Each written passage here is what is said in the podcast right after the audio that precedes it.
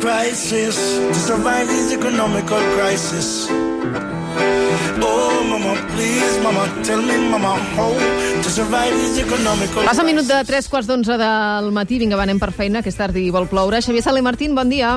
Hola, molt bon dia. Molt bon dia. Avui tenim una notícia que és de, de fa unes hores, però que ens va cridar molt l'atenció. Christine Lagarde dient que les criptomonedes no tenen valor. Amb, amb la quantitat de, de temes que hi ha uh, d'economia que són actualitat damunt la taula, i crida molt l'atenció que una autoritat com és eh, Christine Lagarde posi el focus en les criptomonedes per dir això, eh? Les criptomonedes no valen res. N'hem parlat alguna vegada amb el professor de, de les criptomonedes, però jo crec que, que encara n'hi ha alguns, i m'incloc, que no tenim clar què són I, i, i per què generen tant interès que fins i tot Christine Lagarde uh, s'hi pronuncia. D'entrada, té raó a dir això, Christine Lagarde, que no tenen valor, que no valen res?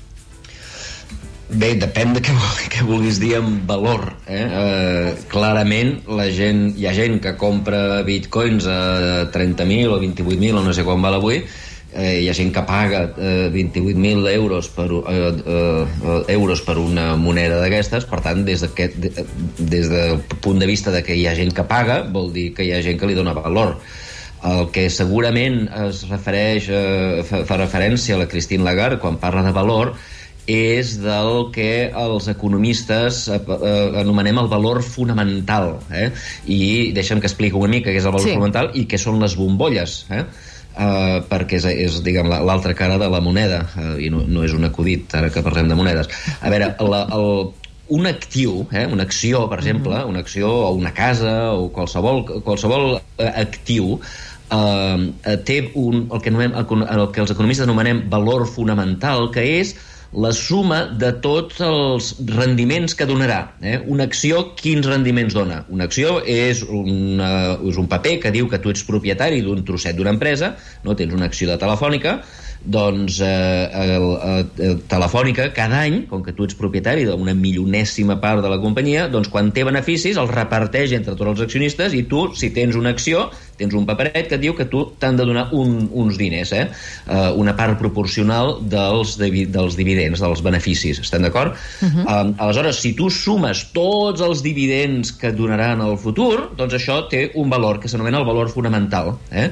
Uh, doncs un, uh, un, un bo, eh? una obligació, doncs dona un, uns interessos cada, cada, cada mes. Uh, una casa, si la llogues, dona uns rendiments cada mes, que és el preu del lloguer. Eh? Doncs si sumes el valor del la casa de lloguer, sumes el valor de tots els lloguers del futur, et dona un, un, un valor, un preu, que s'anomena el valor fonamental. Doncs bé, a vegades les accions, les bons, les cases, no tenen el preu que és, és igual al valor fonamental. És a dir, si tu sumant tots els beneficis que et donarà una acció de telefònica surt que eh, doncs que aquest, aquest paperet hauria de valer dos euros, però vas al mercat, vas a la borsa i resulta que val 5 euros, hi ha una diferència entre el valor fonamental i el preu. Doncs bé, la diferència entre el valor fonamental i el preu és el que s'anomena bombolla eh, bombolla uh -huh. eh, especulativa. És a dir, hi ha gent que, és, que, que, que compra coses que tenen un preu superior al valor fonamental, no perquè esperen obtenir un rendiment, sinó perquè esperen que pugi de preu. Eh? Jo ja sé que Telefònica, amb total, amb tots els beneficis que em donarà, només em donarà dos, però jo compro a 4 perquè espero que l'any que ve valgui 6 i després compraré 6 perquè espero que valgui a 8 i això és el que s'anomena bombolla especulativa gent que compra per sobre del valor fonamental doncs bé, el que la Christine Lagarde està dient és que, clar, una criptomoneda que és una, una moneda, diguem, electrònica, descentralitzada, diguem, una mica estranya, uh, clar, no dona beneficis. Tu compres un bitcoin, no et, donarà, no et dona dret a cobrar ni beneficis, ni interessos, res de res, de res, de res. I, per tant, el valor fonamental, diria, di- és el que està dient la Christine Lagarde, doncs hauria de ser zero. Però, en canvi, val 30.000. Sí.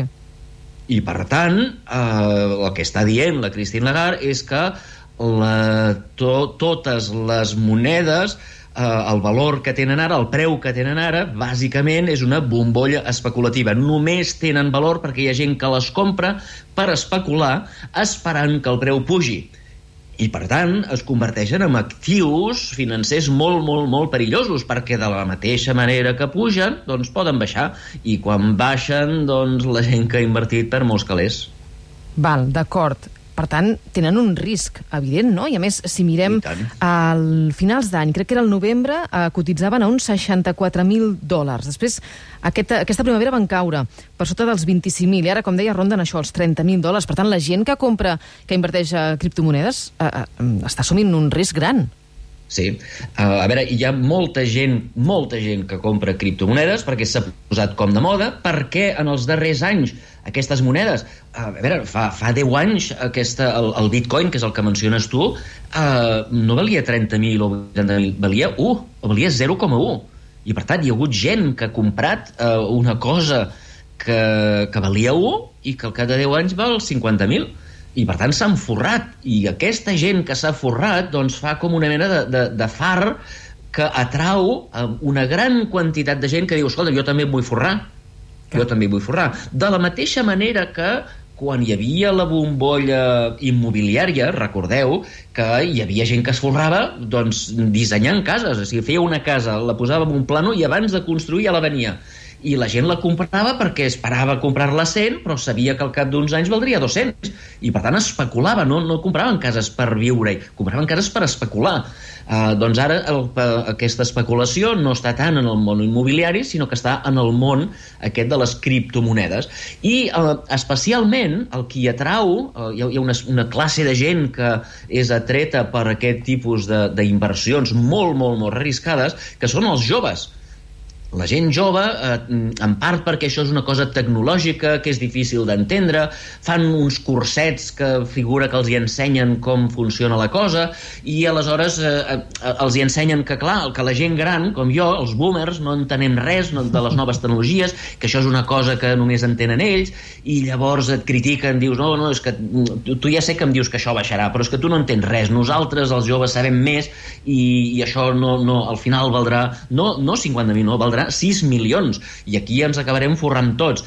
Però clar, el que passa és que tota aquesta gent Uh, mentre es va pujant, entrauen, atrauen a més gent i quan més gent atrauen, clar, quan més gent compra, més puja. I quan més puja, més xavals veuen, escolta, aquest amic meu s'ha comprat un Maserati perquè eh, tenia bitcoins, els va comprar a 10.000 i ara val 50.000, escolta, jo també m'hi fico. Però clar, al ficar-s'hi el que fan és que puja, i quan puja, doncs fa més gent que s'hi fica, i això fa que la bombolla vagi pujant, pujant, pujant, pujant, i arriba un moment que es pensin que sempre, sempre, sempre pujarà. Però clar, eh, això no és veritat això és una, és una aposta molt arriscada. És com anar al casino i, i, i posar tots els calés al número 36. Eh?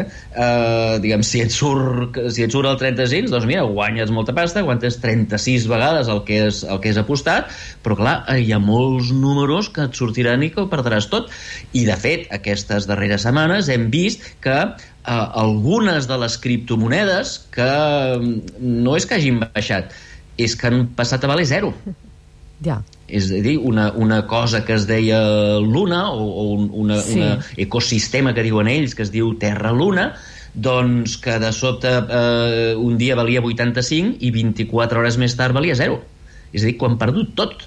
I els xavalets que es creien molt llestos pensant que això pujaria, pujaria, pujaria, doncs eh, ho han perdut absolutament tot. I això és el gran perill um, la gent, els rics que inverteixen, el que fan és diversificar. No van i ho posen tot en el número 36 al casino. Uh, diguem, diversifiquen en molts tipus d'inversions. Una mica d'inversió immobiliària, uh -huh. molts tipus d'accions diferents, uh, una mica de caix, una mica d'or, una mica de co diferents coses, i també alguns tenen criptomonedes. Però és que molts d'aquests xavals joves ho tenen tot en el món de les criptomonedes perquè es creuen que són infal·libles i que eh, ells són els únics que entenen la tecnologia. Però jo els dic una cosa, uh, això no té res a veure amb la tecnologia. Uh, fa uns segles va haver-hi una bombolla, una, bombolla, una bombolla molt similar en el món de les tulipes. Les tulipes, eh, un, les tulipes vol dir les flors. Sí. La gent comprava flors no perquè, diguem, donguessin cap tipus de benefici o de rendiment o d'interès, no? La gent comprava flors simplement perquè esperava que el preu pugés i els preus van començar a pujar, a pujar, a pujar i la gent, clar, la gent que comprava flors es forrava i llavors això atreia més gent que comprava més tulipes i més tulipes i el preu va pujar, pujar, pujar, pujar fins que de sobte algú va dir, escolta'm, que, que el preu d'una tulipa és el mateix que el preu d'una casa, no pot ser. I llavors tothom es va despertar del somni i diu, ostres, és veritat, van començar a vendre com a bojos les tulipes i les tulipes van passar a valer gairebé zero una altra vegada. La gent ho va perdre tot. Doncs bé, entendre això, per entendre això, no cal ser un botànic, ni un biòleg, ni cal entendre el funcionament de les tulipes.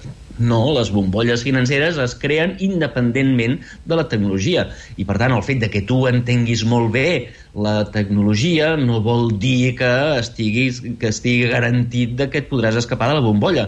La, la bombolla té a veure amb efectes psicològics, té a veure amb, amb, el, amb, la, amb el pànic amb el pànic que de sobte entra la gent. Eh, no sabem ben bé per què fa una setmana la gent li va entrar el pànic sobre la Luna, i la, la Terra i la Luna, no? i van començar a vendre com a bojos, i per què van vendre Luna i no van vendre alguna altra cosa? Doncs bé, la, el, el, el pànic de les masses, la fúria de les masses és imprevisible, i per això es diu bombolla. Eh? perquè és com les bombolles de sabó, mm. que no saps quan explotarà. Tu vas fotent aire, vas fotent aire, va pujant, pujant, pujant, i no hi ha ningú que et pugui dir el moment exacte en el que explotarà. I com que ningú et pot dir el moment exacte que explotarà, no et podràs escapar. Eh, tu tindràs el, tots els calés posats en una moneda que de sobte eh, valdrà zero. Clar, però al final, eh, i tu ara ho deies, eh, hi ha tota gent que hi està invertint i gent jove. Eh, no, no valdria la pena regular-ho? No seria més efectiu, eh, ja no dic prohibir-ho, eh, però, però posar algun tipus de regulació per evitar que tanta gent s'estavelli? Bé, uh, si, si hi ha gent que diu que sí, que s'ha de, de regular, com a mínim s'ha de regular en el mateix sentit que estan regulats els bancs. És a dir, si són monedes i realment formen part del sistema financer, que jo crec que ja de part d'aquestes criptomonedes acabaran sent útils, o almenys la tecnologia blockchain acabarà sent útil, i per tant eh, diguem, algunes sí que haurien de tenir valor, però n'hi ha moltes que són estafes piramidals, que són eh, bombolles, que, que, no, que no valen res i que, i que acabaran desapareixent, eh, i, i que fan promeses falses, no? diuen, no, aquesta moneda en, en realitat està respaldada per tota una quantitat de diners, de dòlars que tenim aquí amagats, que no te'ls ensenyem, però que els tenim aquí, per tant, tu inverteix tranquil, perquè en el cas de que baixi, tu recuperaràs els dòlars. Eh, tots aquests tipus de, de, de, de promeses si les fa un banc, les ha de complir. Clar. I per això els bancs estan obligats a tenir capital, per exemple, no? Si, si els dipositants han dipositat tants diners, tu has de guardar, el banc ha de guardar una part al calaix per si els dipositants volen treure els, els diners una altra vegada. Han de tenir una, un, un cert, uh, una certa relació entre el capital que tenen guardat i el que ells presten, no? Um, és a dir, aquest, hi ha unes regulacions per garantir que els dipositants no perdin el, tots els calés o no perdin els diners i perquè la cosa sigui estable. Doncs bé, al món de l'escriptor uh, no hi ha aquest tipus de regulacions. I, de fet, el, el, el Terra Luna, això que va explotar l'altre dia, doncs feien la promesa falsa de que ells uh, podien garantir de que el preu de, de, la, de la Terra sempre seria una Terra igual a un dòlar. I això va, ser, va, arribar, va acabar sent mentida. Uh, I això és el que va va donar lloc a l'especulació i, la, i a la, la caiguda eh, diguem instantània en 24 hores d'aquesta moneda i la seva desaparició eh, fan promeses que no es compleixen i això es podria acabar, eh, diguem, acabar regulant ara bé, el que no s'ha de fer igual que no s'havia de fer amb els bancs és rescatar-los eh? Eh, és a dir, el que no pot ser és que la gent vagi al casino i, eh, diguem, i, que, i si surt cara tu quedes tot eh, i guanyes molts calés i si surt creu, tranquil que et rescatarà el govern eh? Ja. si surt cara guanyo, si surt per si surt creu, eh, paga els contribuents per què?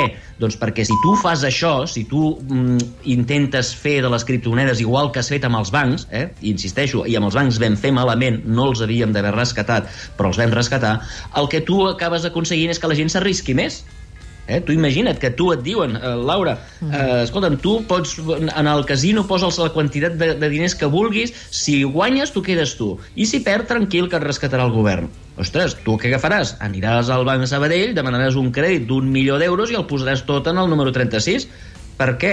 Perquè si surt cara, doncs eh, guanyes molta pasta, li tornes el crèdit al Sabadell i t'has forrat sense tenir res, i si surt creu, tranquil·la que paga el Està govern. salvada, clar. Tothom, tothom, tothom ho faria. Per tant, convertiríem això en un mega casino en el qual, eh, diguem, al final ni tan sols el govern ens podria rescatar tots, no?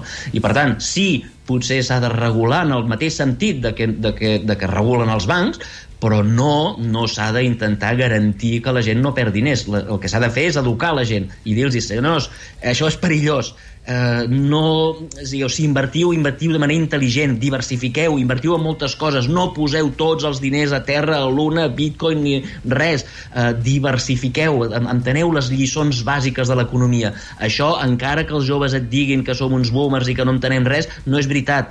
Eh, això és l'economia pura i dura, oferta i demanda, i tot el que puja pot acabar explotant, i és perillosíssim, i si tu no tens, si els diners que tu estàs invertint no et sobren, si els necessites perquè els has estalviat, els necessites per la jubilació, els necessites per, per poder donar als teus fills que pu- puguin tenir una bona educació, sobretot no els arrisquis, no vagis al casino. Uh, ara, si tu et sobren els calés i te'ls vols rebentar al casino i vols comprar bitcoins i tu vols jugar, escolta, endavant, però sobretot que no els necessitis perquè si els necessites corres el risc de perdre'l tot. Crec que està una mica més clar, almenys uh, per part meva. No, no, no, aquest milió d'euros que m'has ofert no, No no anirà a la casella 36, ja t'ho dic ara que no. Xavier Saler Martín, moltíssimes gràcies. Bon dia. Moltes gràcies, bon dia. Adéu.